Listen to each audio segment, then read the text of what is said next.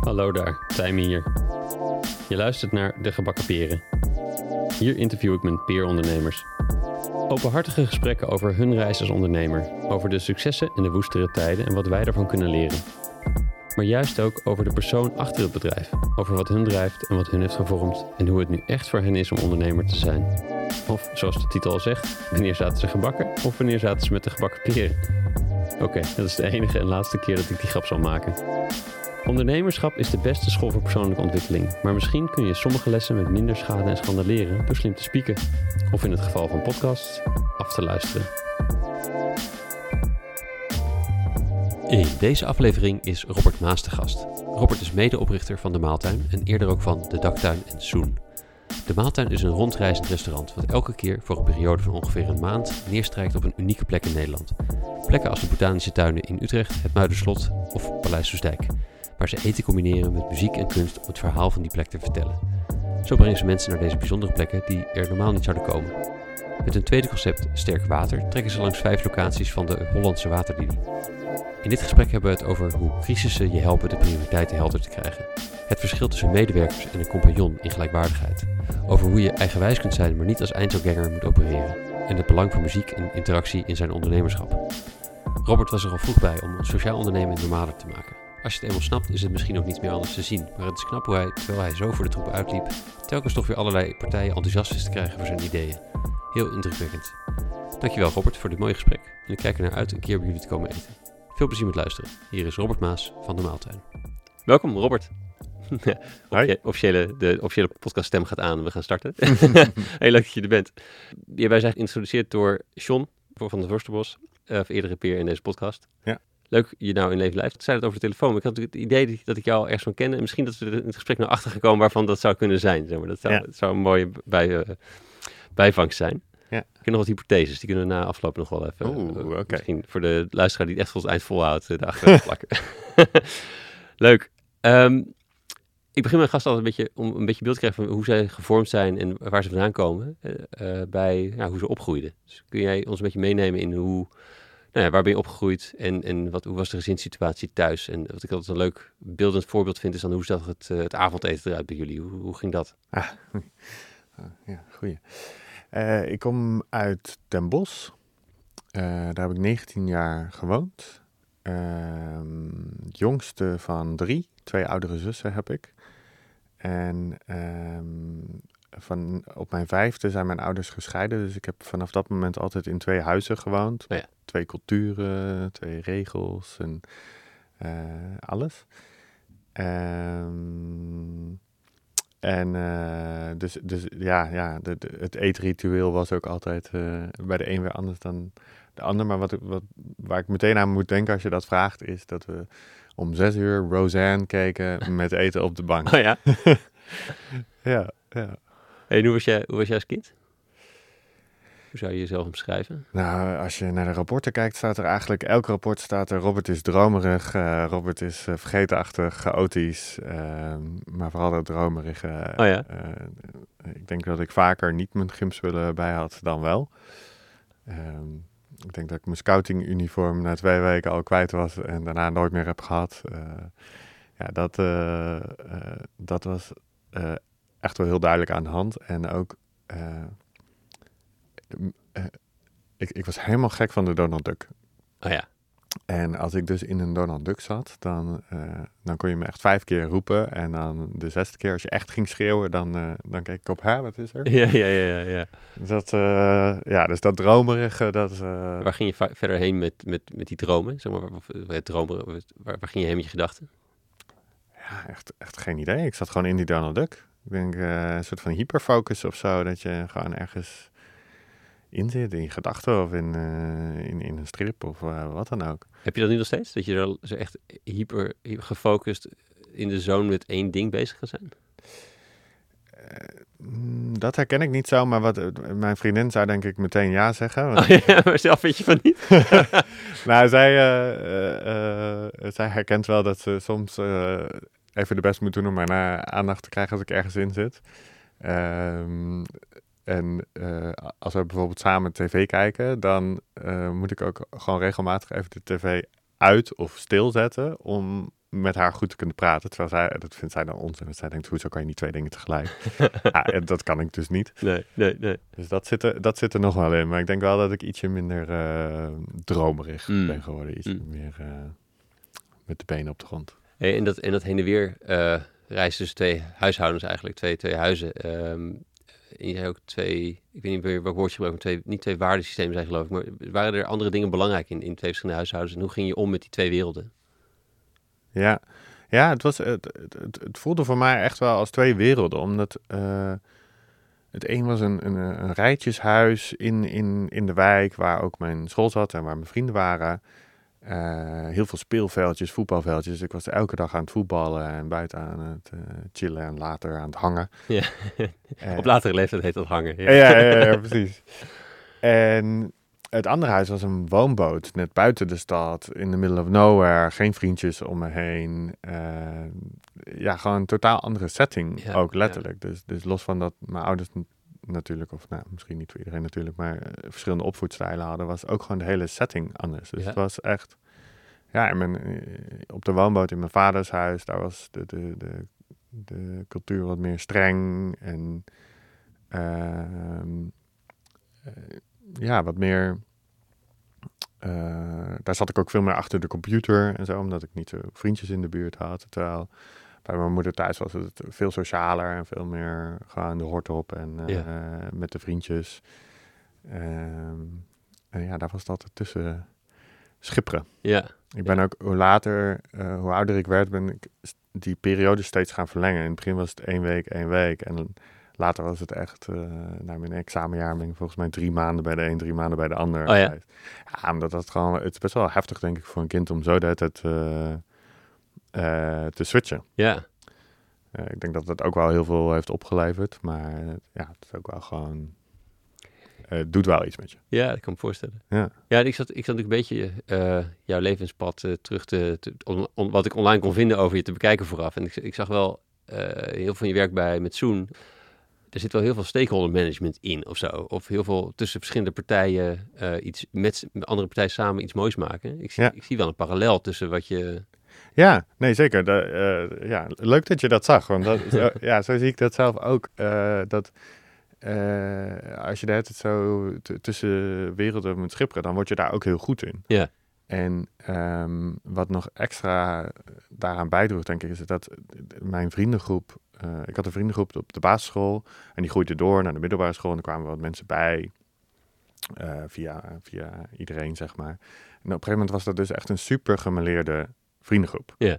Allemaal mannen wel, maar allemaal, weet je wel, de een die, die was eh, op zijn zestiende al metselaar, terwijl ik nog eh, gewoon op school zat. En de ander die ging het leger in en ik ging op een gegeven moment studeren in Ja, Utrecht. ja. En echt een, ja, een hyper diverse groep. En ik was ook altijd bezig met wat is deze groep nou? Hoe verhoudt iedereen zich daartoe? Zeg maar, wat, wat gebeurt hier nou allemaal? Wie is wie en welke rol speel je? Dat, ik was daar heel erg eh, mee bezig. En ik ben daarna ook interdisciplinaire sociale wetenschappen gaan studeren. Ja. Waarbij je ook waarbij je naar de wereld kijkt vanuit een politicologische bril, vanuit een psychologische bril, vanuit verschillende brillen. Dus ja, het is wel altijd geweest van kijken vanuit verschillende perspectieven en belangen. Ja.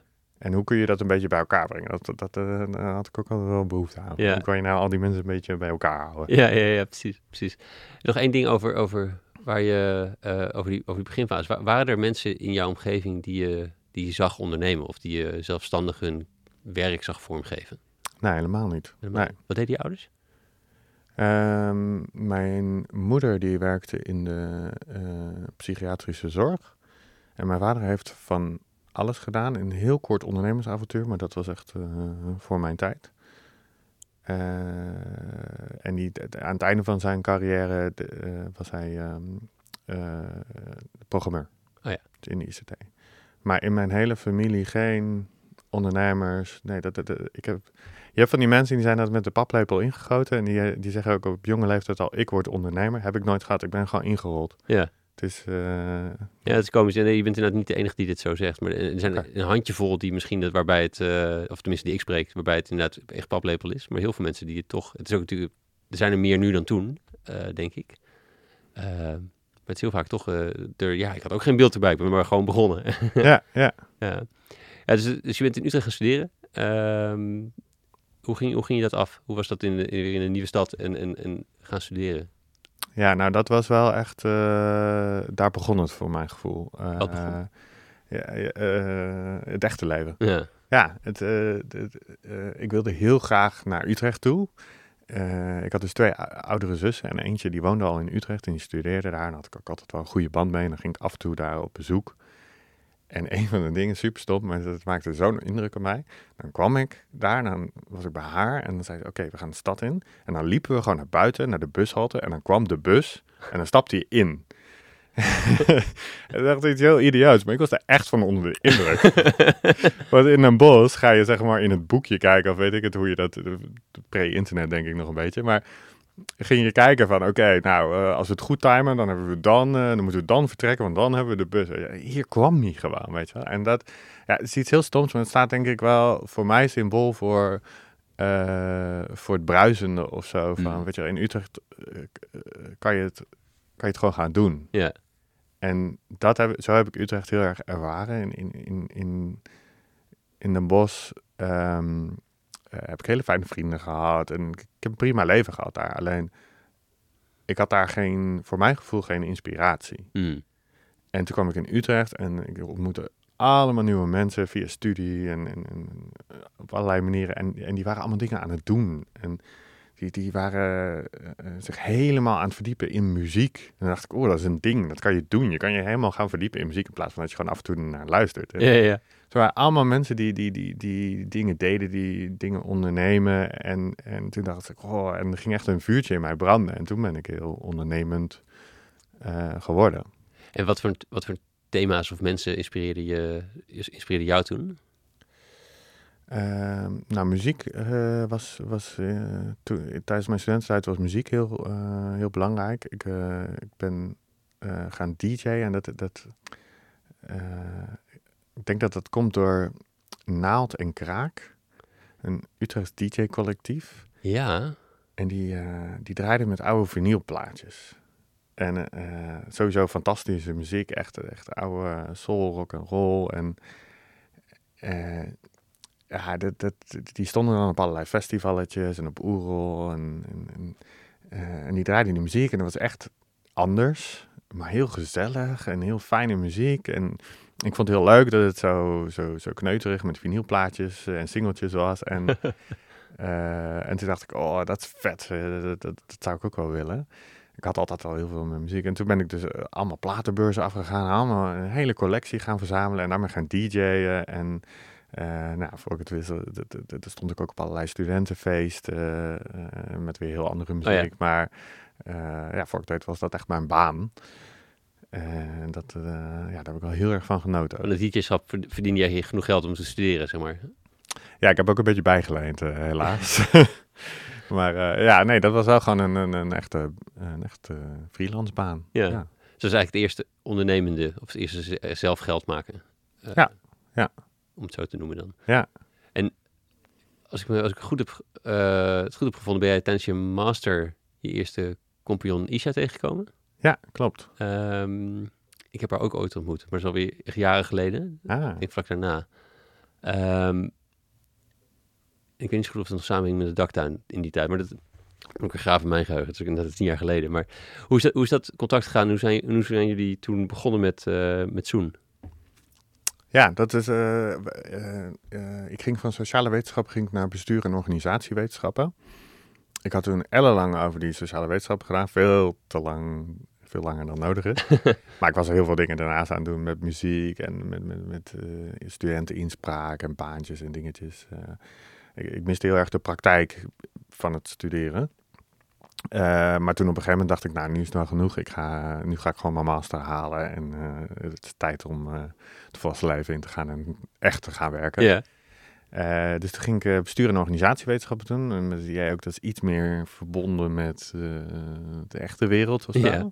Stond ook een beetje bekend om een opleiding die, die, die meer verbonden is met de praktijk, met, de, met het organisatieleven. En daar on- ontmoette ik Isha. En een heleboel mensen uit die klas, die, waren ook, die, die hadden ook al de bachelor bij uh, bestuur en organisatiewetenschappen gedaan. En wij kwamen allebei een beetje van buiten, dus wel een beetje buitenbeentje. Nou, dan vind je elkaar al snel. Ehm, en op een gegeven moment gingen wij praten over ja, wat, we, wat we dan wilden met onze carrière. En, en toen zei ik van ja, ik, ik, ik heb allemaal vrienden die doen allemaal vrijwilligerswerk. En dat vind ik super tof van ze, maar ik vind het ook niet logisch, want die zijn dan ergens heel goed in en dan gaan ze iets heel anders doen. Weet je wel? Die zijn dan, weet ik het, advocaat uh, en dan gaan ze uh, soep scheppen. Uh, voor, voor daklozen. En super nobel, super tof, maar het is niet zeg maar je, je grootste kracht benutten. En kan, kan, ik daar niet iets mee? Daar wilde ik heel graag iets mee. Een soort van logisch maken van maatschappelijke dingen doen. Ja. En toen zei zij, ah, nou ja, dat, dat bestaat, dat heet sociaal ondernemen. uh, en ik ben daar toevallig uh, mee bezig en ik wil daar een bedrijfje in opzetten. En toen zei ik, oh, nou, hey. wat leuk. En nou, voor ik het wist waren we er samen in beland. Daar waren we de, tijdens die master, daar hadden we de Soon opgericht. En, en, en hoe hadden we onze ook... eerste opdracht binnen. Ja, ja, precies. Want hoe is dat dan naast dat je samen een wens hebt ook echt geworden? Ja, um, dat ging eigenlijk gewoon heel snel. Uh, gewoon, ja, een beetje vanuit, we hadden samen een soort van bedrijfsmodelletje bedacht van, van dit gaan we doen en dit vinden we belangrijk. En uh, nou, we kennen wat mensen en die gaan we vragen of we daar iets in kunnen doen. En toen hadden we een eerste opdracht en die eerste opdracht was, was helemaal niet een droomopdracht of, of, of past helemaal niet perfect precies in het plaatje, maar je bent het plaatje ook nog aan het maken. Dus uh, dus, dus dat, ja, we gingen het gewoon doen. En, en van het een rol je weer door in het andere. En voor je het weet heb je een heel portfolio aan opdrachten. En, en wat, was de, wat is de hoofdmotivatie om samen iets te starten? Gewoon om, om bezig te zijn met iets wat sociaal ondernemerschap was? Of had je een, een, meer, meer een doel al of een meer een missie al? Um, ja, wat, ik, wat mij in sociaal ondernemerschap heel, heel erg aanspreekt, is dat het um, uh, het brengt twee werelden samen die elkaar denk ik heel goed kunnen gebruiken. Uh, het, het, het, um, het maatschappelijke waarbij je echt iets, iets van waarde creëert, uh, maar dat op een ondernemende manier uitvoert, waardoor het, ja, waardoor het ook gewoon duurzaam waarde kan yeah, yeah. hebben en het ook iets, iets meer praktisch maken. Ik denk dat dat ook, als, je, als je terugkijkt naar vroeger, uh, dat, heb je nog steeds wel een beetje. Maar vroeger had je veel meer dat, dat, dat de mensen die in de maatschappelijke sector werken, die, die, die vinden geld verdienen vies. Mm -hmm. En dat, dat, dat, hoort niet. En je moet gewoon, je moet heel principieel zijn en daar moet je dingen mee doen. En anderzijds, ja, uh, snelle commerciële jongens, die zijn gewoon niet bezig met uh, de wereld om zich nee. heen, zeg maar. Nou, dat is, dat is inmiddels natuurlijk heel erg aan het veranderen. maar, die, maar dat betekent niet dat die werelden meteen elkaars taal spreken. Ja. Dus, dus je, ze komen echt wel van twee compleet verschillende hoeken. En ze hebben superveel aan elkaar, maar ze moeten wel die, die, die taal gaan spreken. Nou, dan kom je eigenlijk ook weer een beetje terug op dat stakeholder management. Ja. Je moet dus twee werelden een beetje verenigen. Nou, dat vind ik heel leuk om te doen. Uh, en ik denk dat het dus ook, uh, ik denk dat dat sociaal ondernemerschap iets ook heel logisch maakt. Want je, je doet iets heel goeds en je doet het op, de, ja, op een ondernemende manier. Op een, uh, en dat, dat is dus eigenlijk iets heel logisch. En wat, wat denk je dat het zo, zo ongebruikelijk maakt? Nou, wat we. Ik denk dat het um, niet per se makkelijk is om. Uh, ik denk dat sociaal ondernemerschap, uh, of maatschappelijk ondernemerschap, hoe je het ook wil noemen. Wat, wat, wat er ingewikkeld aan is, is dat je meerdere dingen tegelijk probeert te, te realiseren. Je probeert uh, waarde voor uh, aandeelhouders te creëren, waarde voor de, de, samenleving. Je, probeert eigenlijk, je bent eigenlijk altijd op zoek naar win-win-win. Zoveel mogelijk waarde. Ja. En dat, dat is gewoon heel veel ingewikkelder dan als je je op één doel richt. Als jouw enige doel is, ik wil gewoon geld verdienen.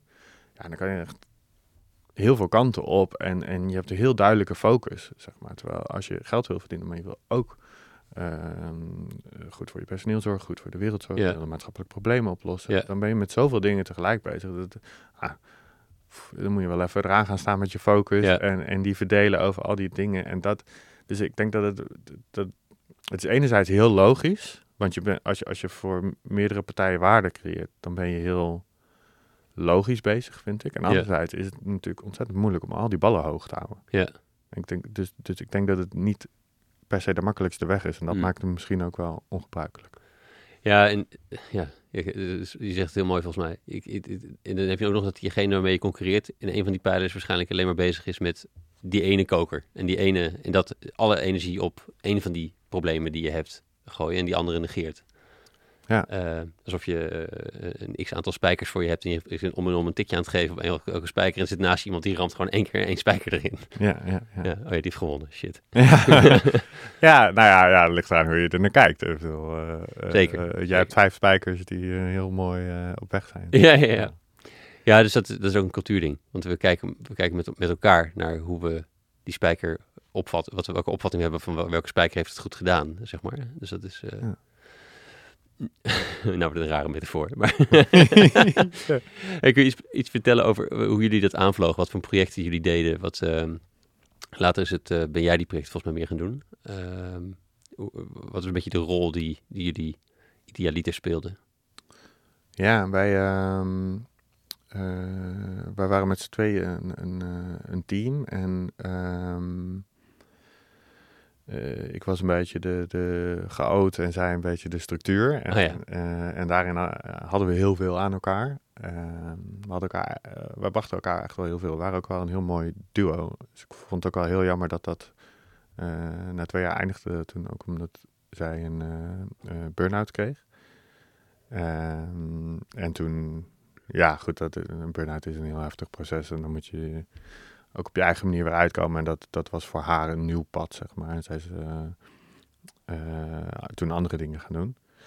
Ehm, maar dat vond ik ook wel heel jammer, want het is juist, ik, ben niet, ik ben niet zo, eh, ik ben wel heel eigenwijs en, en doe dingen graag op mijn manier, maar ik ben echt niet een, eh een eindselganger. Ik Mm. moet echt met mensen samenwerken. En ik vond het heel prettig om iemand te hebben met wie je gelijkwaardig bent en, en, en eh, op hetzelfde niveau zit, maar wel heel verschillend bent en elkaar dus heel veel te bieden hebt. Want je eigen wijsheid nam niet de overhand. In, want je hebt dus ook een soort van. Dus een, je, je krijgt zeg maar de, de, de, het compliment eraan. Het, Hm. het, het, het- wat erbij past. Namelijk ook dat, het, dat iets gedaan wordt, zeg maar. Eh, maar je moet ook wat geven. Dat je dus niet meer jij, volledig eigenwijs kan zijn, toch?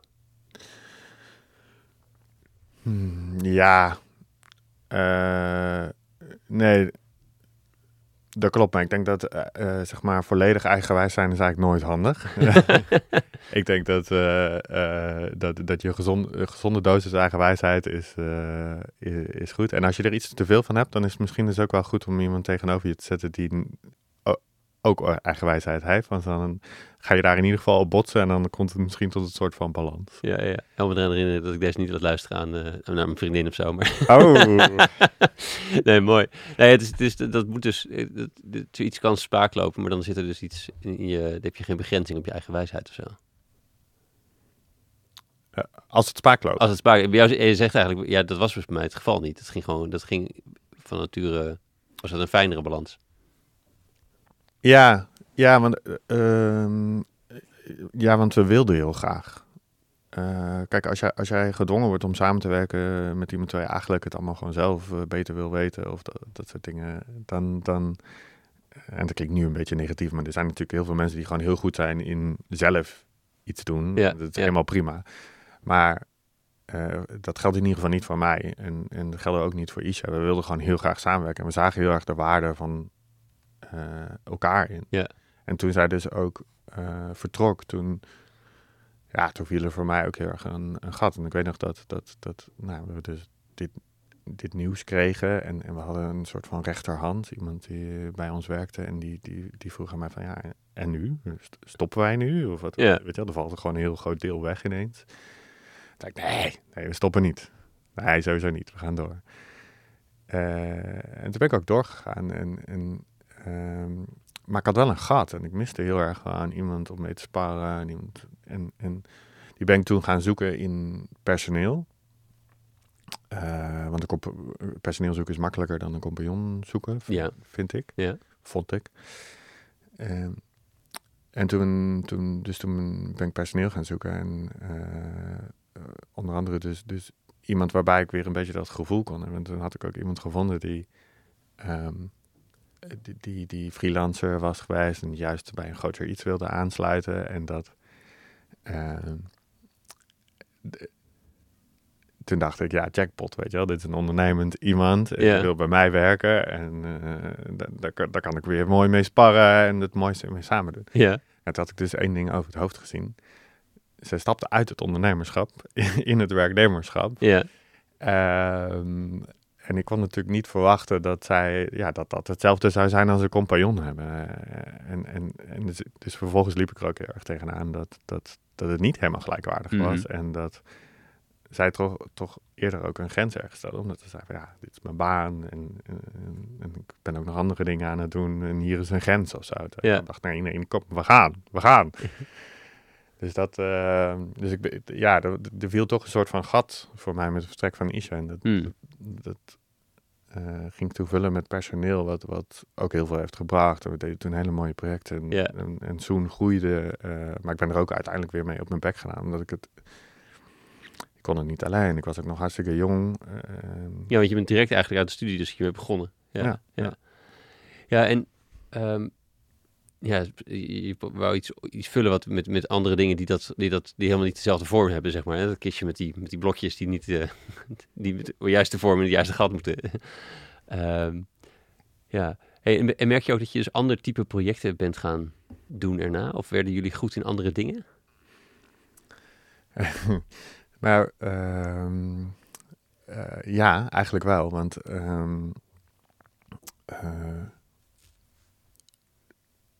als je keek naar de inhoudelijke interesses, Isha was uh, nog net iets meer diehard maatschappelijk gericht dan ik. zij was ook heel erg. ze had een liefde voor Afrika en, en daar was daar ook vaker geweest. Mm.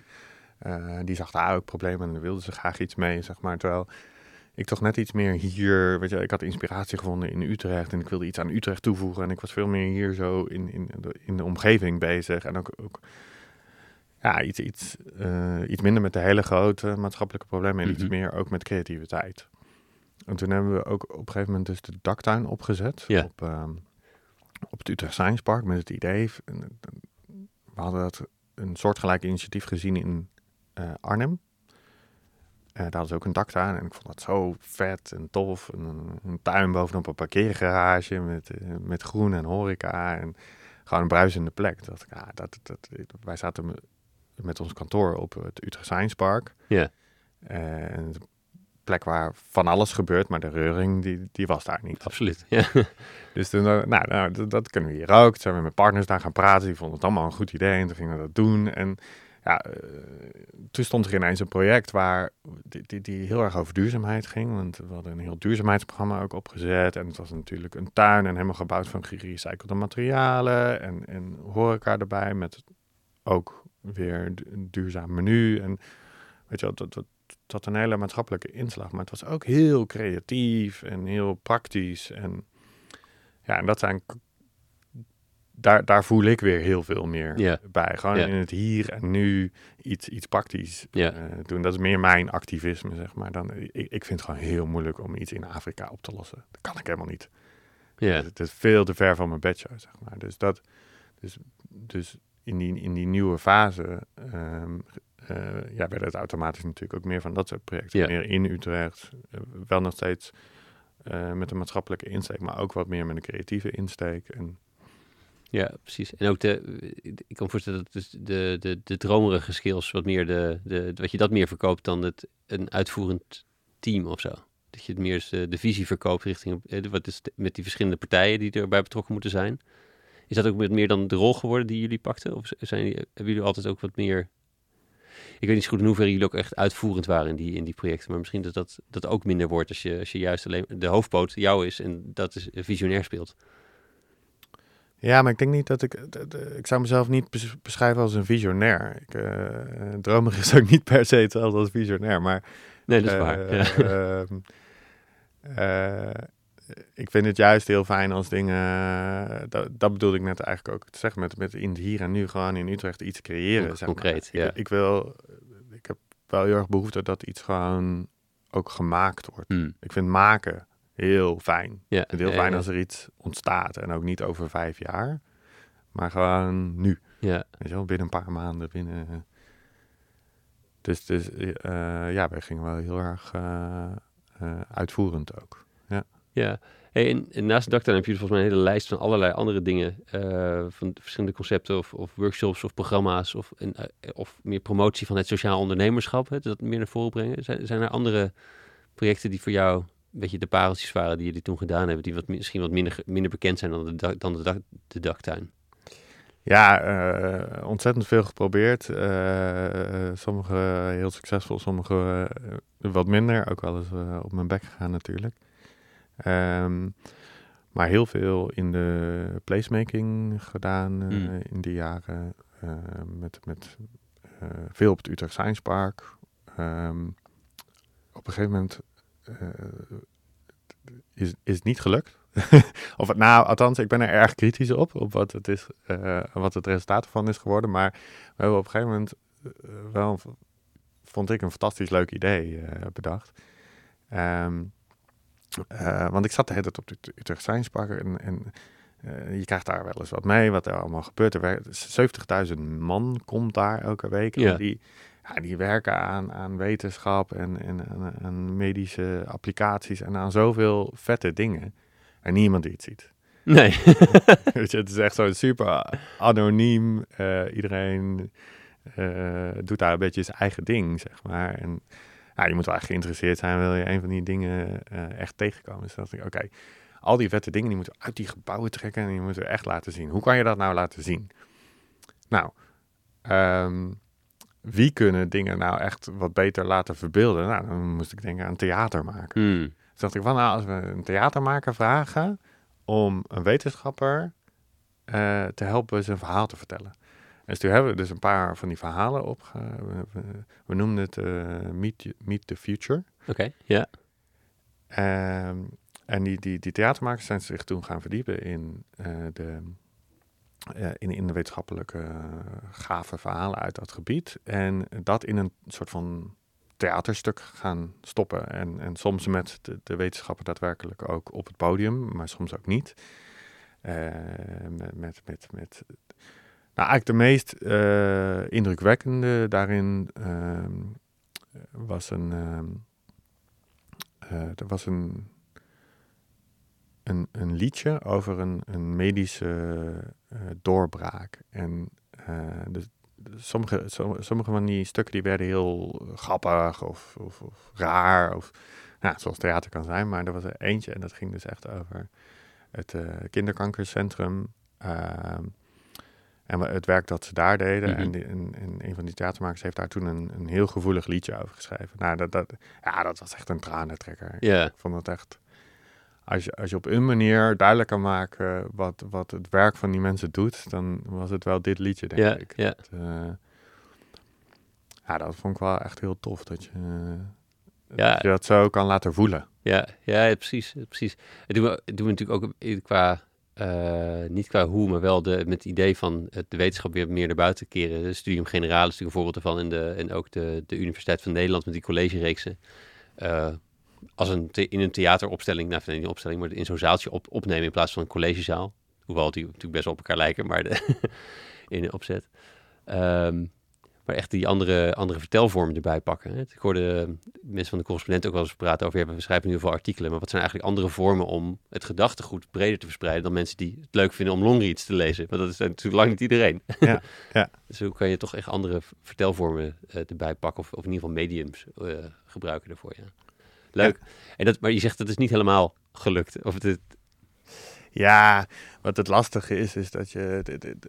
Ehm, ik heb altijd de neiging een beetje om, om upstream te gaan eh, zwemmen, zeg maar. Dus om, om eh, dan dus zoiets te bedenken, omdat ik daarin geloof. En dan denk ik, dit, dit is vet en dit kan iets toevoegen. bedoel je dan Maar- tegen de stroom in of bedoel je dan Ja. verder dan de rest? Nee, nee, nee, de- tegen de stroom in. Iets, wat ja, niet, ja. iets wat niet per se makkelijk is of eh, ehm, vanzelfsprekend in een gebied waar mensen gewoon lekker hun eigen dingen aan het doen zijn, aan het studeren zijn, aan het werken zijn en elkaar niet per se ontmoeten, gewoon hun eigen um, ja, uh, beweegstromen hebben, zeg maar. En dan gaan ze zeggen, oké, maar nu ga ik daartussen staan en nu ga ik zorgen dat je ineens dat, dat patroon niet meer volgt en dat je ja, ja, ineens je gaat verdiepen in verhalen die er gebeuren. Uh, maar ja, dan moet je natuurlijk wel heel goed weten, weten aansluiten bij de behoeften van die mensen. Ze goed weten te bereiken, hun patronen weten te doorbreken, terwijl ze misschien al gewoon allerlei plannen hebben. En waar we dus, wat, wat heel goed lukte, is hoe we groepen, zeg maar, groepen mensen van tevoren konden boeken van, hey, dit vind je leuk, hier wil je naartoe. Ja. Uh, en dan hadden we volle zalen en dan vond iedereen het heel vet. Dan lukte het heel goed. Maar om, om echt losse bezoekers daar naartoe te trekken, was, was gewoon heel moeilijk. Om, om die patronen te doorbreken, hadden we eigenlijk gewoon heel veel meer marketing en uh, ja, uh, uh, heel veel meer bezig moeten zijn met hoe we die mensen echt konden werven. Ja. ja, dat vraagt dan ook een machine. Echt een ander type spierkracht ook dan, dan, dan een vet concept kunnen verzinnen. Ja, ja. vraagt heel veel. het is wel mooi dat je dat het tegen de stroom ingaan is eigenlijk tegen de normale bewegingspaden die mensen hebben, of bewegingsvormen. Of, of, of het een normale gedrag moet eigenlijk getuned worden in iets, getikt worden in iets, in iets anders. En, en uh, ja, dat vraagt inderdaad iets ingewikkelds. Want dat, als, het, als dat makkelijk was, vanzelfsprekend was geweest, hadden ze dat al gedaan. Ja, ja, ja, precies. Ja, ja, ja. Maar goed, ik denk wel dat dat... Uh, kijk, uiteindelijk hebben we uh, de maaltuin opgezet. En, en daar, dat is nu mijn... daar ben ik nu de hele week mee bezig. En ehm, daar hebben we het wel... Daar hebben we echt wel een hele mooie manier in gevonden om dat te doen. Dat is ook op dat Utrecht Science Park geboren. Ja, het, um, ik ben natuurlijk erg benieuwd hoe dat, hoe dat, hoe dat die switch opeens gegaan is. Wat, wat, als ik in de duikdata, de data van de artikelen van duik.nl moet het geloven, is dat binnen een maand is dat die switch gemaakt. Ongeveer. Ja. Van de, ergens eind mei of zo in ook het jaar toch uit 2016, denk ik. Ja, ja, ja. uh, hoorden jullie dat jullie niet op het dak van het UMC konden? Ja. Voor een vervolg van de daktuin. En ergens in juni, oké, geen probleem, nieuw concept. Ja. Botanische tuinen. Dus hoe, hoe is dat gegaan? Neem ons daar even in mee. je, je hebt goed research gedaan, hè? 2016, ja. Um, ja, um, we waren toen bezig met de daktuin Utrecht. En dat uh, kon toen last minute inderdaad niet uh, doorgaan. En dat was echt super balen. Um, en toen ging ik dus ook gesprek, in gesprek met de, de, de partners daar. En toen zei ze, ja, maar het kan er niet, kan er niet toch iets kan er niet iets anders? Kan je niet toch iets? ja, ja. Uh, ja, hoe was dat? Ik zag, ik, zag, ik zag jou schrijven, we komen twee keer zo sterk weer terug. Tenminste, zo, zoals het geschreven wat je zou toen zeggen. Maar hoe geloof je dat op dat moment ook? Want op dat moment gaat het niet door. Dat is, dat al eigenlijk alleen maar ruk. Ja, ja, ja, ja maar uh, klopt. Maar ik vind crisis uh, eigenlijk best wel leuk. ah, leuke komende jaren. Dit is lachen voor jou. Ja, ik bedoel, crisis is, ik, bedoel, ik ben ook mens, ik ga er ook kapot aan. Mm. En, en, ik ken ook stress en al die dingen. Maar uh, wat ik heel fijn vind aan crisis is dat ze heel duidelijk maken wat je moet doen. Weet je, je, je, je, je hoeft je in ieder geval geen zorgen meer te maken over je prioriteiten stellen en je focus. Ja. Als je een crisis hebt, dan ga je gewoon daarmee dealen en dan ga je het oplossen. Dan ga je gewoon stap voor stap daarmee dealen. Dat, dat vind ik er weer heel fijn aan. En dat was toen natuurlijk heel erg aan de hand. Oké, hele project waar we met een heel team, weet je, er waren echt 60 man betrokken bij de daktuin Utrecht, waar we aan werken. Uh, heel veel vrijwillig hoor, voor, ja, ja, ja, voor de beeldvorming, maar um, uh, iedereen's droom ineens aan diggelen, zeg maar. Oké, okay, uh, maar wat dan nu? En je kan toch niet zomaar dat voor niks laten zijn of zo. En wat wel heel prettig was, is dat de, de stichting Utrecht Science Park, die die waren onze grootste fan zijn. En uh, die, uh, ja, die hebben, dat, die, die, hebben toen wel dus echt ook gezegd, weet je wel, kan, er niet toch iets en we vinden dit zo belangrijk. En nou, als je dan dus en gewoon denkt, ik wil een oplossing, ik yeah. wil iets, weet je wel, het kan niet zomaar voorbij zijn. Uh, en je krijgt dan ook dus een, een handreiking, zeg maar, van een partij die zegt van, nee, weet je, kom Robert, we gaan door.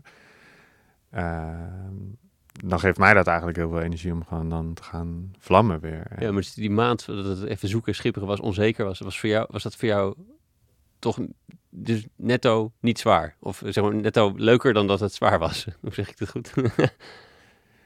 Eh, ja. Ehm, ja, het was denk ik allebei. Het was denk, ik- het was denk ik eh, pittig en zwaar. En het was ook fantastisch leuk dat we ineens in een paar weken tijd iets heel anders uit de grond stampten. Wat super tof was. En waar, eh, waar, waar we helemaal uitverkocht waren. We hadden toen 800 man dus naar de Botanische Tuinen getrokken. ja, Want dat was uiteindelijk het idee. Weet je wel, oké. eh, zij zeiden, kan er niet toch iets hier in het gebied om mensen bij elkaar te brengen, et cetera. En toen zei ik, ja, die botanische tuinen, dat is zo'n fantastische plek. Waarom, waarom doen we daar niks? Weet je wel? Ja. Waar- waarom Ja. gebeurt daar... eh, weet je wat je net ook schreef, wat je net ook zei, dat je beschreef over die, al die kennis die die hier, of al die mooie Ja. schoonheid in die tuinen, is wel een beetje hetzelfde. Het is op, op Ja. verstopt. Het, is, niet zichtbaar. Ja. Niemand ziet het. ja, en toen, en, en, en, eh, toen hebben we gezegd, laten we er een restaurantje starten. En, eh, en laten we dan in dat, dat restaurant, laten we dat in de tuinen doen. En laten we dan ook die avond echt de tuin laten zien. Dus echt ons erin verdiepen en de verhalen van die tuin laten zien, laten proeven, Ja. erover vertellen. Ehm, en dat, dat werkte heel goed, want mensen eh, willen heel graag eh, eh, lekker eten. En, Ja. en een leuke avond uit te hebben Ja. en een drankje drinken. En dat, ja, dat, dat was dus eigenlijk een eh, eh, veel beter middel dan theater om eh, iets moois te laten zien. Ja, ja, ja, precies. precies. Hoewel we nu weer in, dus bij de maaltuin weer theaterelement ook wel weer eh, terugbrengen. Ja. We, we zijn nog steeds heel erg op zoek naar hoe kunnen we, eh, hoe, hoe kan je nou dingen echt laten binnenkomen. Eh, en eten is daar een, een- een hoofdcomponent in. Ja. Maar het gaat ook over eh, eh, muziek en, en, en kunst en, en, en podcasts en, en eh, allerlei creatieve vormen waarbij wij eh, eh, mensen beter weten te bereiken. Want als wij, we kunnen wel mensen daar uitnodigen om te eten en vervolgens een heel essay voor gaan lezen, maar dan, ja, dan gaat het toch niet echt binnenkomen. Het gemiddelde hoorcollege van de universiteit, ja. Erbij. hey, en en wa- wat, wat hoopt hij dat binnenkwam? Je had hier bij de Botanische Tuin schets je eigenlijk al dat het, eh, nou, die plek is zo mooi.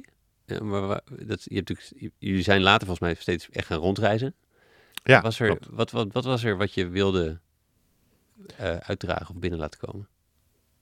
Ja, we hebben toen, het, kijk, kijk, dit is dus heel spontaan ontstaan, wel heel duidelijk vanuit een idee van, joh, wat zonde, deze plek moeten we echt laten zien. En ehm, eh, een vriend van mij, Lubbert, die, ehm dat kan ik ooit een keer mee samengewerkt, we waren toen vrienden geworden en toen, eh, en hij is echt geboren in de horeca. Hij Mm. echt, eh, het begon in de snackbar, zich opgewerkt tot de bedrijfsleider, zeg maar, de gastvrijheidsconsultant geweest. Die, die man leeft horeca.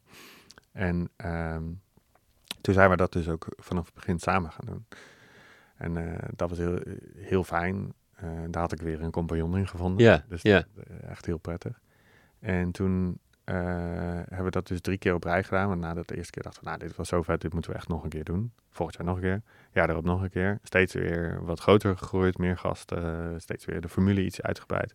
En toen dus in 2018 dachten we, oké, hier hebben we echt iets te pakken. Dit is, dit, is, dit is niet iets wat alleen maar over de Botanische Tuin in Utrecht gaat. Dit is iets Hmm. dit is een formule die nieuwe bezoekers, nieuwe doelgroepen naar een plek kan brengen. En die plek dan vervolgens kan laten zien en laten verbinden met die mensen. Ja, Hè, dus het- het- het- we, we vertellen de verhalen van een plek en dat doen we met een heel laagdrempelig instrument. Namelijk gewoon een hele fijne avond uit met horeca. Ja. Dat kan op veel meer plekken. En toen zijn we dat gaan uitrollen. En toen hebben we gezegd, oké, maar dan gaan we hier nu echt een serieus bedrijf van maken. En dan gaan we eh, on tour. En Ja. eh, toen in 2019 eh, gingen we naar eh, allerlei verschillende plekken. Toen hebben we ook Sterk Water opgericht. zusterconcept van de maaltijd. ja. Met Maar- de waterlinie, toch? Ja, specifiek langs de waterlinie. Een idee van mijn compagnon Lubbert, die, die reed elke dag langs die forten Oh ja. rondom Utrecht. En die dacht, ja, achter de hekken. En die dacht, dat, ja, wat is het nou voor een mysterieuze, geheimzinnige plek? Zo achter zo'n- zo'n fort vol stenen en natuur. En, en wat gebeurt Wat zijn daar nou de verhalen van? En toen gingen we daar ons in verdiepen. En toen kwamen we erachter dat het UNESCO Werelderfgoed ging worden. En dat, Ja. ja, oké, dit moeten mensen ook zien en horen en voelen en proeven. Ja. Dus toen zijn we in 2019 eh, eh, ja, op allerlei plekken gegaan. gegaan. En in 2020 zouden we naar nog meer plekken gaan. ja, kunnen we zo nog even over, ingaan. Dat, het, toen, toen mocht, jij weer lekker uh, crisismanagement spelen waarschijnlijk. Ja, ja, ja. Hey, en je moest natuurlijk ook je, je team van de daktuin en misschien andere medewerkers van Soen nog die, die hier wel of niet in meegingen. Is dat, hoe is dat gegaan? Ja, um, nou ik heb wel, um, dus, dus op een gegeven moment vanuit Zoom dus een, eh, een team opgebouwd nadat Isha vertrok. Uh, met medewerkers, maar dat, dat uh, nou, wat ik net al zei, dat, dat was toch ook niet helemaal wat ik ervan verwachtte. En ik ging daarin ook een beetje nog om mijn bek als, als, als, ondernemer. En toen, dus, toen ook die contracten afgerond. en toen ben ik ehm, weer meer gewoon op projectbasis gaan werken. En uh, gewoon per project mensen betrekken die logisch waren voor dat project. Ja. En zo was het ook heel logisch dat we de maaltijd starten met Lubbert, want die paste heel goed daarbij. En nou, wij vonden elkaar daarin. Dus ik had niet meer, ik had geen uh, medewerkers meer of, of, dat soort dingen. En ik had natuurlijk wel een team bij de daktuin, maar die, ja, die, um, die waren ja, die hadden ingetekend op de daktuin. Ja. En de daktuin kon niet meer. Ja, ja, ja. Uh, ja die, die, die wilde liever ook dan gewoon iets anders gaan doen. En dat snap ik ook helemaal, want het was ook even goede vrienden. En, uh, ja, snap ik. Ja. En hoe was het om, om, een keuze te maken om vol voor één project te gaan? Want je had natuurlijk ergens ook zo'n de luxe van de speeltuin, dat je zoveel verschillende dingen daarvoor kon doen. En ergens heb je nu, ergens heb je in het proces van de maaltuin, zijn jullie volledig daarop gericht gegaan. Ja, ja, dat is wel uh, uh, kudo's aan mijn compagnon Lubber daarin ook, want die heeft daar wel veel op mij zitten inpraten van. Robert, kom nou eens even, kom eens even meer deze kant op. Oh ja. Want ik was nog allemaal andere dingen ook aan het doen. En inderdaad ook gehecht aan die vrijheid en die flexibiliteit. Mm. Ik vind het heel leuk om. ik ben wel echt een generalist. Ik vind het heel leuk om me met verschillende dingen bezig te houden. Ja. Uh, en op een gegeven moment, uh, ja, dat, dat is echt uh, op een gegeven moment tot een crossroads gekomen waarin ik moest kiezen, want het, kon niet allebei. Hoezo? Ja, omdat dat, ehm, wat we met de maaltuin deden, werd gewoon steeds groter. En, en vroeg gewoon heel veel aandacht daarin ook. En, en had ook heel veel potentie. En toen, en ik had dus een soort van mijn eigen persoonlijke speeltuin waarin ik gewoon verschillende leuke projecten deed. en uh, weer een, een, bedrijf met medewerkers en, en ja, iets, iets wat groter is dan jezelf, zeg maar. Um, en allebei heeft natuurlijk voor- en nadelen, weet je. Het, is, het, is, het is heel fijn om gewoon een, zorgeloze speeltuin te hebben en gewoon leuke projecten te doen en, te kijken waar je van waarde kan zijn en waar je plezier kan hebben. Maar het is ook heel fijn om iets te bouwen wat groter is dan jezelf en, en um, wat je kindje kan zijn en, en waar je echt ergens mee naartoe gaat. En dat had ik ooit met Zoon, maar dat had ik toen een beetje losgelaten. Ja.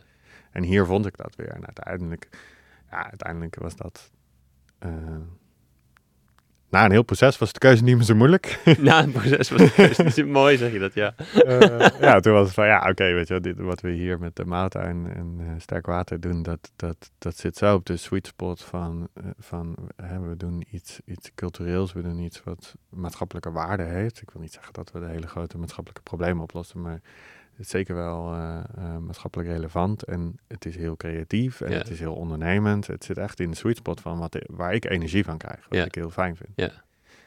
Ehm, en, en er zit gewoon zoveel potentie in. Dus toen, ja, uiteindelijk was het toch wel eh, En hoe, hoe heel logisch. Weet je nog het moment dat je het dat realiseerde? Of wat er voor nodig was om dat ook te zien? Want je, het, het rationaal is van, het is, het is gewoon een heel goed project. Was dat ook wat je overtuigde of, ervan? Of was het... hoe, hoe ben je tot die keuze gekomen? Ik denk dat ehm, wa- waar het, je kan er van alles van vinden, maar wat, wat voor mij heel, voor mij is zingeving heel belangrijk. Hmm. Voor mij is het heel belangrijk dat ik, ehm, eh, dat ik, dat ik een goede reden heb om iets te doen, zeg maar, dat het ergens om gaat. Dat is ook waarom ik in eerste instantie in maatschappelijk ondernemerschap zeg maar, geïnteresseerd was. Ehm, maar eh, dus het feit dat, je, dat, dat we met de maaltijd en sterk water weer ehm, ja, echt een, een, een kindje aan het, aan het opbouwen. Waar, ja, zo, zo voelt het. Ik heb nog geen kinderen, dus uh, voor mij voelt mijn bedrijf een beetje als, uh, ja, ja, als mijn kindje. Mijn, mijn twee oudere zussen, die hebben dit, ik ben al twaalf jaar oom, zeg maar. Ja, ja. En voor mij voelt het altijd zo, oh ja, zij hebben hun kinderen en ik heb dit kindje. Dat, dat is een bedrijf. Daar moet ik ook voor zorgen, daar moet ik uh, helpen groeien, et cetera. En, en dat, dat, geeft, dat geeft voor mij zingeving, dat je daar, ja, dat je daar dat je aan iets groters werkt. En, en, uiteindelijk kom ik daar toch echt veel makkelijker mijn bed vooruit dan een, een tijdelijk iets wat, ja. Uh, ja, wat ook weer kan vervliegen. Zeg maar. ja, ja, precies. precies. En dan zijn jullie dus gaan rondreizen. En, en uh, ik wil het zo meteen nog even hebben over hoe jullie, uh, hoe jullie uh, dat de horeca moest dichten tijdens, tijdens corona en, en, en, en hoe, hoe die daarmee om zijn gegaan. Maar rondreizen, dat maakt het concept horeca niet per se makkelijker, lijkt mij. Ook weer een beetje de moeilijkste weg, die, wat je net al zei. Dit, ja, waarom? ja, ja, ja, ja, een beetje dus aard van het beestje misschien. Mm, ja. Uh, ja, klopt. Ehm, maar het is, het is niet makkelijk, want je moet inderdaad... Hè, we zitten op plekken waar je waar, waar de faciliteiten niet helemaal ingericht zijn op een restaurant. Uh, je hebt geen keukens, uh, soms heb je niet eens genoeg uh, stroom of, of, of is het heel moeilijk om goed water ergens vandaan te krijgen. Nou, er zijn best wel wat uitdagingen. Maar kijk, de hele basis van wat we doen um, is, is hoe vet is deze plek? Uh, wat een vette verhalen zijn hier. We, we, we, zitten echt op fantastische, unieke locaties. We zitten yeah. in botanische tuinen, op paleizen, kastelen, forten van de waterlinie. Zeg maar. Het zijn echt, het is allemaal musea en erfgoed van Nederland. En die zitten allemaal bomvol verhalen, uh, zulke vette plekken. En, en die plekken moeten we laten zien. Dus dan is het ook, als dat je hele motivatie is en dat het hele startpunt is van wat je doet, dan is het ook heel logisch dat je uh, ja, dat het niet zoveel uitmaakt. Dat het, dat het, een uitdaging is om alles daar naartoe te brengen. Eh, want daar doe je het voor. Ja. We willen de gasten daar naartoe brengen. We willen dat het daar plaatsvindt. Ja. Dat was ook um, de reden dat we in coronatijd niet... Uh, niet, niet toen waren we ook aan het nadenken van hoe gaan we hier nu mee om. En we zagen heel veel andere horeca die met een vaste locatie zagen we van die borrelboxen en ja. afhaaldingen en dat soort dingen. En toen dachten we, ja, moeten we daar ook iets mee? Ja, je moet toch wat. je, je, moet ook geld verdienen. Ja. Uh, en toen dachten we, ja, maar dat is gewoon niet logisch. Het is gewoon niet logisch voor ons om uh, niet op de locatie te werken. Ja. Want het gaat uiteindelijk om de locatie. Dus als wij niet naar de locatie toe kunnen en daar niet kunnen werken in coronatijd, dan, dan moeten we het niet doen. Dan kunnen we beter zeg maar, investeren en vooruitwerken. En dat we naar de tijd dat het straks wel weer kan. Ja. Dus ja, uiteindelijk is het voor ons heel logisch. Het, het is ontzettend een logistieke uitdaging. En we zijn ook wel steeds aan het stoeien met wat, uh, welke locatie kan je wel en welke kan je niet doen. We hebben ook wel door schade en schande geleerd van ja, weet je wel, zo'n locatie. Uh, als er echt heel weinig faciliteiten zijn, het is echt op alle fronten heel moeilijk, dan moet je het ook op een gegeven moment zeggen, nou, dit kunnen we gewoon niet doen, hoe leuk we de locatie ook Ja. Moet wel uh, praktisch uitvoerbaar zijn. Maar ja, je, je, we hebben natuurlijk wel het voordeel dat we dit um, organisch hebben laten groeien. Weet je, we zijn in 2016 gestart met één project per jaar, ja. één editie en steeds meer. En op een gegeven moment word je steeds beter in dat organisatorisch en operationeel ook uitvoeren. Maar op een gegeven moment waren jullie dus er vol tijd voor gegaan en, en leefde je er ook van. Ja. En, dan, en dan, toen kwam het dus toch dat je het niet meer kon organiseren met corona. En, en de borrelboxen niet. Dus hoe zijn jullie dat toen aangevlogen dan? Je wou er toch wel een beetje voor rond blijven komen, neem ik aan. Ja, klopt. Uh, uh, nou ja, ik denk zoals zoveel ondernemers uh, ook even een beetje de hand op de knip. Mm -hmm. wat zuiniger leven, maar ehm, we, hadden, we hebben wel een groot voordeel dat wij um, kaartjes vooruit verkopen. Ja. Dus dus gasten hadden een, um, uh, een kaartje gekocht voor een editie die helaas verschoven moest worden. Ja. Um, En uh, daardoor hadden we nog wel uh, een beetje geld op de bank, zeg maar. Ook al konden we niet uh, draaien. Um, en nou ja, door dus gewoon en heel slim te spelen met onze uitgaven. We, waren ook, we hadden ook nog niet zo heel veel vaste lasten en zo. Dus Ja. we konden het allemaal best wel goed terugbrengen tot een minimum. Eh, en we hadden een beetje reserve dus. Eh, daar moesten we wel nog van alles voor eh, waarmaken. Ja, ja, ja, maar, precies. eh, maar ja, goed, daar, daarmee hebben we het wel gered. En wat, wel, wat, wat, heel, wat dus heel goed werkte, is dat we dus in de tijden dat we niet konden draaien, hebben we, zijn we zo hard vooruit gaan werken dat als we dan weer konden draaien, als de lockdown voorbij was, konden we hup, knallen, gaan, eh, alles in korte tijd eh, doen. Ja, En, eh, en ja, daardoor konden dan gemiddeld kom je dan toch weer redelijk goed uit. Want als je in, in- ja, net zoals zomerbedrijven eigenlijk doen, weet je wel. Ijssalons die werken keihard in de zomer en in de winter gaan ze open. ze vakantie vieren, ja. En de, ja, het lijkt een beetje op het festivalmodel natuurlijk. Hè? Dus dat je, Hm. dat je aan het voorbereiden bent op een dag sta je er. En, dan, en dat doen jullie dan een paar keer achter elkaar natuurlijk. Of eh, de zomer. Ik neem aan dat je sowieso al iets meer misschien op de zomer gericht was. Omdat je liever met zon buiten zit dan... Of hebben jullie ook, jullie natuurlijk ook binnenlocaties voor de, voor de winters. Ja, klopt. Ehm, we zijn begonnen in de zomer, maar eh, we hebben nu een jaarronde agenda. Dus je kan in Ja. alle seizoenen bij ons eh, terecht. En dat is ook wel weer... Kijk, mensen willen het hele jaar door eh, leuke dingen doen. En eh, wat ook heel tof is, is dat die plekken hebben ook allemaal weer hun eigen charme en hun eigen verhalen in de verschillende seizoenen. Ja, Zo'n tuin is heel gaaf in de, eh, in de lente. ja, ja. als, je, ehm, als alles in de bloei staat. Maar ehm, eh, in een Muiderslot, kasteel, zeg maar, in de winter.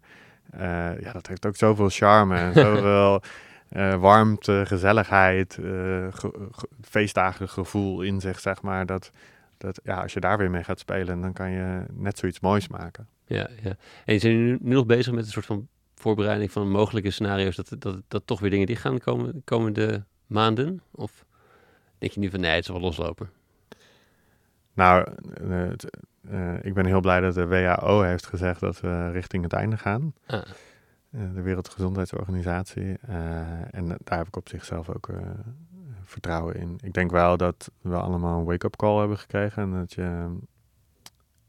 eh, eh, ik bedoel, is het niet corona, dan kan natuurlijk weer iets anders ontstaan. Nou, we kunnen zelfs een oorlog krijgen. Ja. eh, ja, eh, is weer in ieder geval een eh, reële angst geworden. Dus de, ja, ik denk dat je als ondernemer er wel heel erg op moet voorbereiden dat er weer een crisis kan komen, wat die ook is. Of dat nou corona is of iets anders. En daar moet je, daar moet je mee eh, dealen als het zover is, maar dan moet je ook een beetje op voorbereid zijn. En dat, ik denk dat dat wel goed ondernemerschap is. ja, ja. Hey, als je, als je mm, terugkijkt naar jou in het begin van Soen, het beginperiode, hoe zou, hoe zou je eh, het die Robert omschrijven? Met de kennis van nu.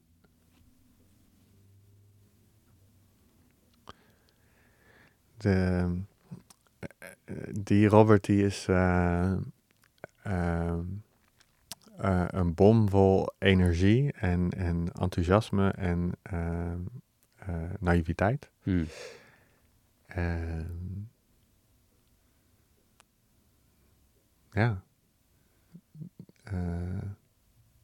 Een heel, heel gedreven persoon. En om welke redenen dreven diegene? Als je er nu op terugkijkt, dan eigenlijk was het hem dit, of X of Y. Hmm.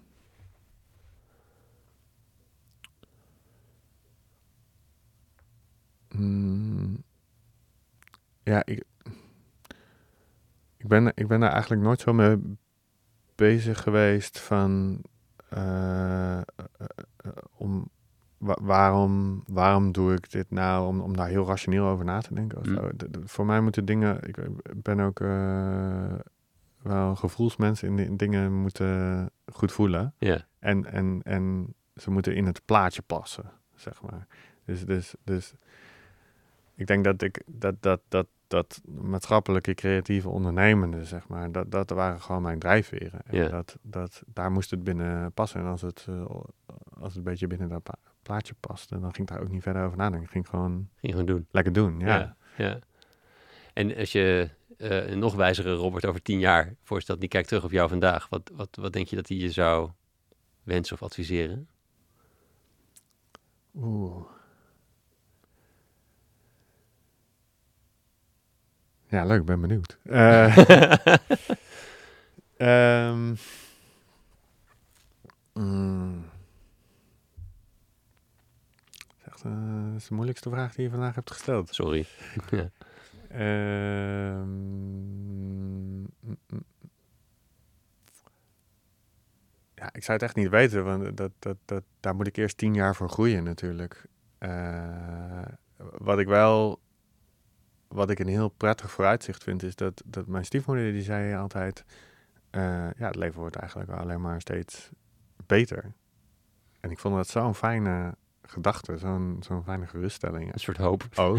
ja, ja, ja. Ook, het- zeker als je eh, puber bent en je- sommige dingen zijn een beetje ingewikkeld. En iemand zegt dan dat tegen je. Ah, nou, oké, top. Daar ga ik naartoe. ja. Eh, het wordt alleen maar beter. Maar het, ik geloof er ook heilig in dat het ook daadwerkelijk zo is. Eh, het leven wordt steeds beter. En dat is eigenlijk ook heel logisch, want je wordt er, je wordt er steeds beter in. ja. Je hebt steeds meer ervaring, je bent steeds meer. eh, ehm, ja, je wordt daar gewoon steeds beter in. Dus ik denk dat. dat kijk er gewoon heel erg naar uit over tien jaar. Wat, wat, eh, wat ik dan weer allemaal heb ontdekt en hoe ik me heb ontwikkeld. En eh, daar heb ik heel veel zin in. Ja, ja. Wat, eh, als je ook een beetje vooruit kijkt, blikt, of nu, nu naar, naar voren kijkt van wat, met de maaltuin, maar ook misschien een beetje nog breder qua maatschappelijke tendensen ziet. Ja, het plaatje waar, waar jouw ondernemerschap er misschien in moet passen. Zijn er, zijn er andere aspecten die, waar, je- waar je misschien nog wat meer aan zou willen doen? Ehm, zeker, zeker. Ehm, het, ehm, het maatschappelijke. Kijk, wat, wij nu met de maaltuin en sterk water doen, is, is eh, echt van waarde voor die lo- locaties. Zo beschrijven zij dat ook. We trekken nieuwe doelgroepen naar hen toe. We, zijn een soort van laagdrempelige manier van hun verhalen vertellen en, en daarmee hun culturele impact vergroten. Maar dat is, ja, daarmee los je nog niet echt maatschappelijke problemen op. Terwijl daar, daar, daar brandt voor mij ook nog altijd wel een Mm. vlammetje. Ik vind het heel fijn om, om eh, iets te kunnen verbeteren aan de wereld of zo. Ehm, en eh, daar zou ik ook wel weer eh, meer mee willen doen in de toekomst. zijn er bepaalde thema's die jou, die jou meer aangaan dan andere? Ja, dat doet niks af Maatschappelijke thema? Ja, het doet niks af aan die andere thema's, maar sommige raken je toch meer, zeg maar. Ehm, ja, ik, ehm, eh, groene, groene duurzaamheid eh, eh, heb ik wel wat, wat mee. Dus gewoon energieverbruik en grond- Ja. grondstoffen en dat soort dingen. Het, het is echt heel... Ik ben op dit moment een huis aan het verbouwen. Ja, En eh, eh, mijn schoonvader die is daar heel fanatiek eh, mee aan het helpen. Dat is echt een prachtige vent. En die, ehm, eh, die, die werkt zich helemaal kapot in ons huis. Maar die is dus ook rete fanatiek in, op het gebied van duurzaamheid. Hij is gewoon niet van zijn stuk te krijgen dat, dat het zonde is om dingen weg te gooien. En dat betekent dus dat hij letterlijk elk spijkertje, elk stukje plastic, elk houtje, alles bewaart die man. En dat, ik vind het eh, eh, fantastisch. Mm. Dat is echt, eh, ik vind het heel inspirerend en soms ook een beetje ingewikkeld. ja. Dus je moet dus ook echt, inderdaad, met iets wat je normaal gesproken als afval zou beschouwen, zo moet je gewoon denken, oh nee, nee, nee, nee, dit moet ik, dit moet ik heel voorzichtig behandelen, want dit kan die nog ooit ergens voor gebruiken. ja. En stiekem neem je dat ook een beetje over en ga je steeds vaak denken, oh nee, dit is handig en dan kan ik straks nog daar ergens toepassen. En, ehm, eh, maar dat, dat, ja, ik vind dat heel leuk hoe hij ehm, eh, overal de waarde en het nut van inziet en dat probeert zeg maar vast te houden in plaats van zeggen, nou, dit, dit mieteren we weg. Ja. Eh, dus daar, daar, ja, daar heb ik wel heel veel mee met die duurzaamheid. En, ehm, en ik vind ook ehm, mensen en, en, en mensen eh, in hun kracht kunnen zetten, dat, dat vind ik ook heel fijn en belangrijk. Ik denk dat.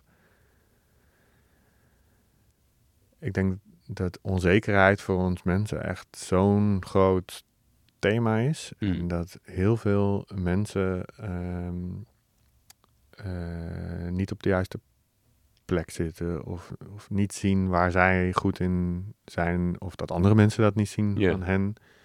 En daarom heel, heel veel van sociaal ondernemerschap gaat ook over mensen met een afstand tot de arbeidsmarkt. En ehm, ja, ik denk dat iedereen, iedereen kan van waarde zijn, maar je moet wel, je moet wel het, het potje vinden waar het op past, zeg maar. Ja. de, de, de, eh, eh, Specialist Sterren is zo'n bedrijf dat ehm, eh, mensen met, een, met autisme eh, IT laat testen. En daar zijn ze echt briljant goed in. Ja. Want juist hun hoofd werkt gewoon heel goed op die, om, om IT te testen.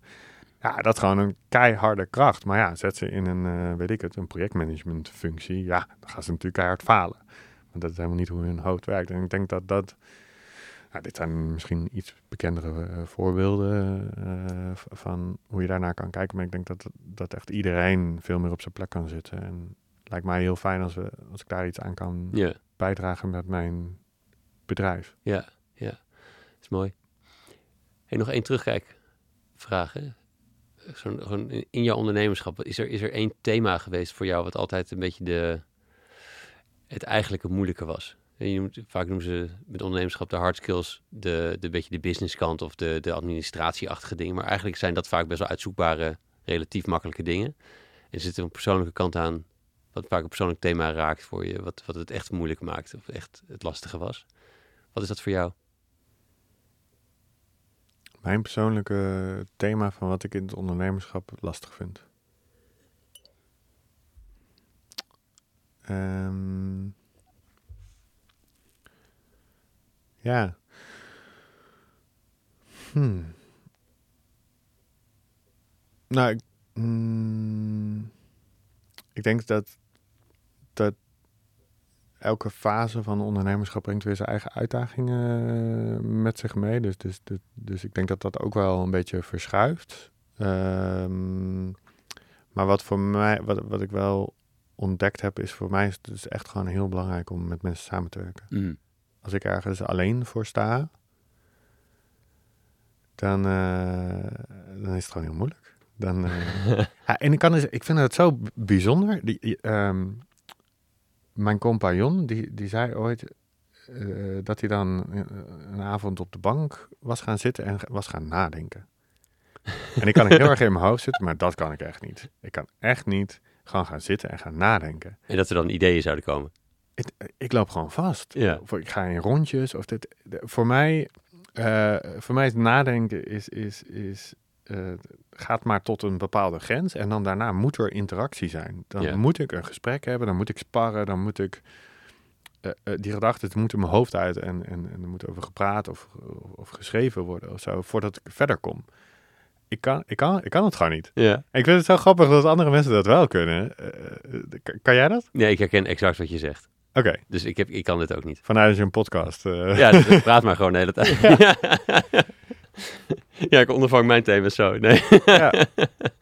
Nou ja, dit, dit- ja, voor mij is het echt. eh, eh, eh, ik denk dat ik echt vele malen slimmer en beter ben als ik kan, kan communiceren, kan sparren, kan samenwerken. Ja, Dat- dus dan moet je dat- ondervangen, zeg maar, de, dat dat gebeurt. ja, en als ondernemer ben je ook best wel geneigd om gewoon dingen te gaan doen en het gewoon op te pakken. En, en, en ik heb dus ook wel moeten afleren om dat te doen, om, om dingen naar mezelf toe te trekken en daar, eh, daar dan gewoon mee aan de slag te trekken. Want als ik het gewoon samen met mensen ga doen, dan kan ik veel meer mijn eigen kracht pakken. Ja, ja, ja. Eh, daar wordt het gewoon veel beter van. Ja, ja het is wel grappig wat je zegt. Ik, ik, ik, ik, ben dus, ik ben wel van nature wat meer iemand die in zijn hoofd blijft hangen. Mhm. Eh, maar ik herken heel erg dat ja, gewoon gaan zitten nadenken. Dat, dan, dan leer ik wat ik al weet. Want dan, dat, ja, dan kom ik niet verder, want er komt geen nieuwe informatie bij. Zeg maar. Dat wist ik al. Eh, maar ik kan toch al te lang op pauze blijven staan. Dat, het dan, dat ik dan juist niet hè, het, eh, het breekijzer zoek van gewoon interactie of iets gaan doen. Eh, ja. Ja, ja. Hey, dus Ja. één laatste vraag die ik jou moest, voordat ik benieuwd ben wat jouw inspiratiebronnen zijn. Maar die moest ik van John vragen. Wat zou jij doen als je in loondienst zou werken? Die moest je van John Ja, dat vragen. zei hij. Ha! Eh, wat zou ik doen als ik... Oh, wat voor baan zou ik hebben? Ja, ik weet niet goed. Ik weet niet wat hij ermee bedoelde. Oké. Ja, ik kan, als ik zo moet gissen, is het iets of het staat, iets staat je heel erg tegen, of, of, of daaraan, of je, eh, of, of, of, of je hebt een bepaald beeld erbij wat je, wat je wel zou willen. Ja, oeh. ehm, ja, de, oeh. Dat is echt een hele lastige, want ik heb dat nog nooit echt gedaan. Eh, eh, eh, ik, ik, ik ben wel eens heel kort docent geweest. En dat is eigenlijk ook niet eerlijk, want dat is, als docent ben je ook een soort van zelfstandige die voor een klas staat. Ja. Nou, in mijn beleving zijn docenten best wel zelfstandig werkende mensen en niet zozeer onderdeel van een, van een team zoals dat in andere functies is. Maar dat eh, vond ik wel altijd heel leuk trouwens. Maar ik zou daar wel echt heel erg het maken in missen. Hmm. Eh, want ik, moet- ja, ik moet gewoon iets maken. Er moet, wat ik in het begin zei, er, moet, er moet gewoon resultaat zijn. Er moet zeg maar niet over vijf jaar, er moet binnenkort iets gebeuren. Er moet iets te zien zijn, zeg maar. En dat, ehm, dus dat zou ik wel echt nodig hebben in een baan. En ehm, ja, het saaie antwoord zou natuurlijk zijn directeur of zo ergens. Want dan ben je eigenlijk stiekem toch nog een beetje ondernemer. ja, directeur en aandeelhouder van, ja. Ja. Eh, ja, ik denk dat, dat eh, mm, eh, hoewel ik altijd dus bezig ben met stakeholder management en een beetje met verbinden en zo zou ik denk ik in een organisatie, als ik niet de ondernemer zou zijn, zou ik het denk ik toch best wel zwaar hebben met eh, mijn eigen wijsheid en met, met eh, eh, of met protocollen, weet je wel. Dat, dat, dat, dat je ergens in een, een systeem wordt gegooid, zeg maar, waar jij dan mee moet werken, terwijl je misschien zelf idee hebt hoe, dat, hoe jij dat zou willen doen. Ja. ja, ik sluit het niet uit dat ik ooit nog eh, in loondienst ga. Ik heb er echt absoluut geen plannen voor en er zeker nog geen zin in. Nee, dus iemand Eh, luistert die hebben wel vangen ervoor, dan moet hij wel eh, met een goed verhaal komen. Ja. Ja, ja, ja, met een goede huis komen, ja. Maar dat, dat, dat, ja, wie weet, ik bedoel, ik ben nog best wel jong, eh 36. eh, ik heb nog echt een hele lange carrière voor me, dus wie weet. Ik vind het heel leuk om te leren, dus wie weet ga ik ooit dat nog leren. ja. Ja. Nog niet. hey, mooi. We gaan, een beetje richting afronding. Ik, ik vraag altijd mijn gasten iets mee te nemen, of dat hoeft niet eh, in, in gedachten mee te nemen, hoeft niet fysiek hier op tafel, maar de, wat, wat, hen, eh, wat hen inspireert. Soms is dat een boek, soms is dat een film, soms is dat iets anders. Eh, wat is er iets wat jij, eh, jij kan tippen? Ja, ik, de, de, ik heb hierover na zitten denken en ik, ehm, ik, ik heb niet, ik ben niet zo van de lievelingsdingen of zo. Ik, Ja, ja. niet- ik, ik, ik, ik vind het heel moeilijk om één ding aan te wijzen wat dan, ehm, wat dan heel erg eh, mij inspireert. Want het- meestal is het juist het, het samenbrengen van allerlei dingen waar ik dan weer heel veel energie van krijg. Ehm, maar Ehm, nou, wat wel grappig is, is dat, dat, dat een van de eh, liedjes dus die, die, die mijn ondernemende carrière is begonnen. Uh, Nathan Kaak, eh, dus een DJ-duo die, eh, waarvan ik dacht, wow, wat tof. eh, Ik wil ook DJ'en, ik wil ook met deze muziek bezig zijn. En dat was één liedje die me toen heel erg raakte. En dat was Egyptian Reggae van Jonathan Richman en de Modern Lovers. Dat, is- ah, die, die man is sowieso fantastisch. echt, echt, echt fantastisch eh, eh, entertainer. Maar die hebben een heel catchy, leuk ehm, soort galopnummer eh gemaakt. En het klinkt, er zitten van die geluiden in, eh, alsof een paard eh galoppeert. Ja. Heel vrolijk nummer.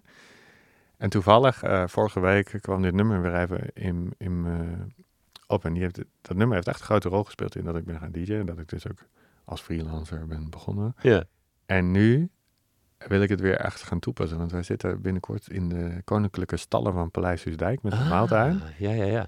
En toen en we zaten met, met het, het- het creatieve team daarover na te denken van... oké, hoe gaan we... Welke, welke verhalen gaan we vertellen en hoe gaan we dit, dit brengen? En, en toen kwam dat liedje ineens weer naar me, in me naar Mooi. boven. En toen dacht ik, ah man, die muzikanten, we hebben die ene muzikant en die kan echt een fantastische show neerzetten. En als hij dan dit nummer inzet en, eh, en, ja, dan, dan, dan krijg je dat hele gevoel erbij van de stallen en, en van vrolijkheid Ja, en ja. paarden. En, eh, nou ja, we zijn dit nog aan het uitwerken. Ja, ja, ja.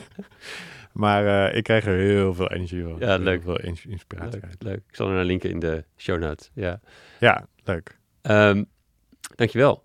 Dankjewel dat je hier in het verre noorden van Utrecht uh, heen wilde komen. En, en, maar ook gewoon dankjewel dat je je verhaal wilde doen. Ik heb er erg van genoten. En dankjewel voor je, je werk ook. Wat jij niet weet misschien, ik heb ik, op de daktuin, ik heb daar ook nog een aantal keer workshops georganiseerd. Een initiatief toen in die tijd. Ik probeer nog foto's terug te vinden. Het waren allemaal lousy foto's. Uh, Leuk. Dus jullie marketingverhaal, jullie marketing is nu beter dan wat wij toen hadden. Maar uh, dus ook dankjewel daarvoor en voor al het werk wat je voor het sociaal ondernemerschap gedaan hebt. Ja. mooi. Tof. Jij bedankt. Ja, geen probleem.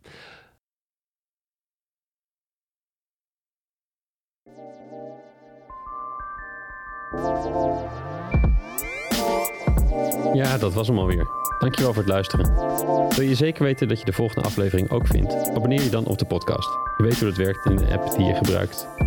Weet ook dat ik van alle afleveringen uitgebreide show notes met de lessen en de links uit het interview maak. Deze vind je op www.studiogeorge.nl slash podcast.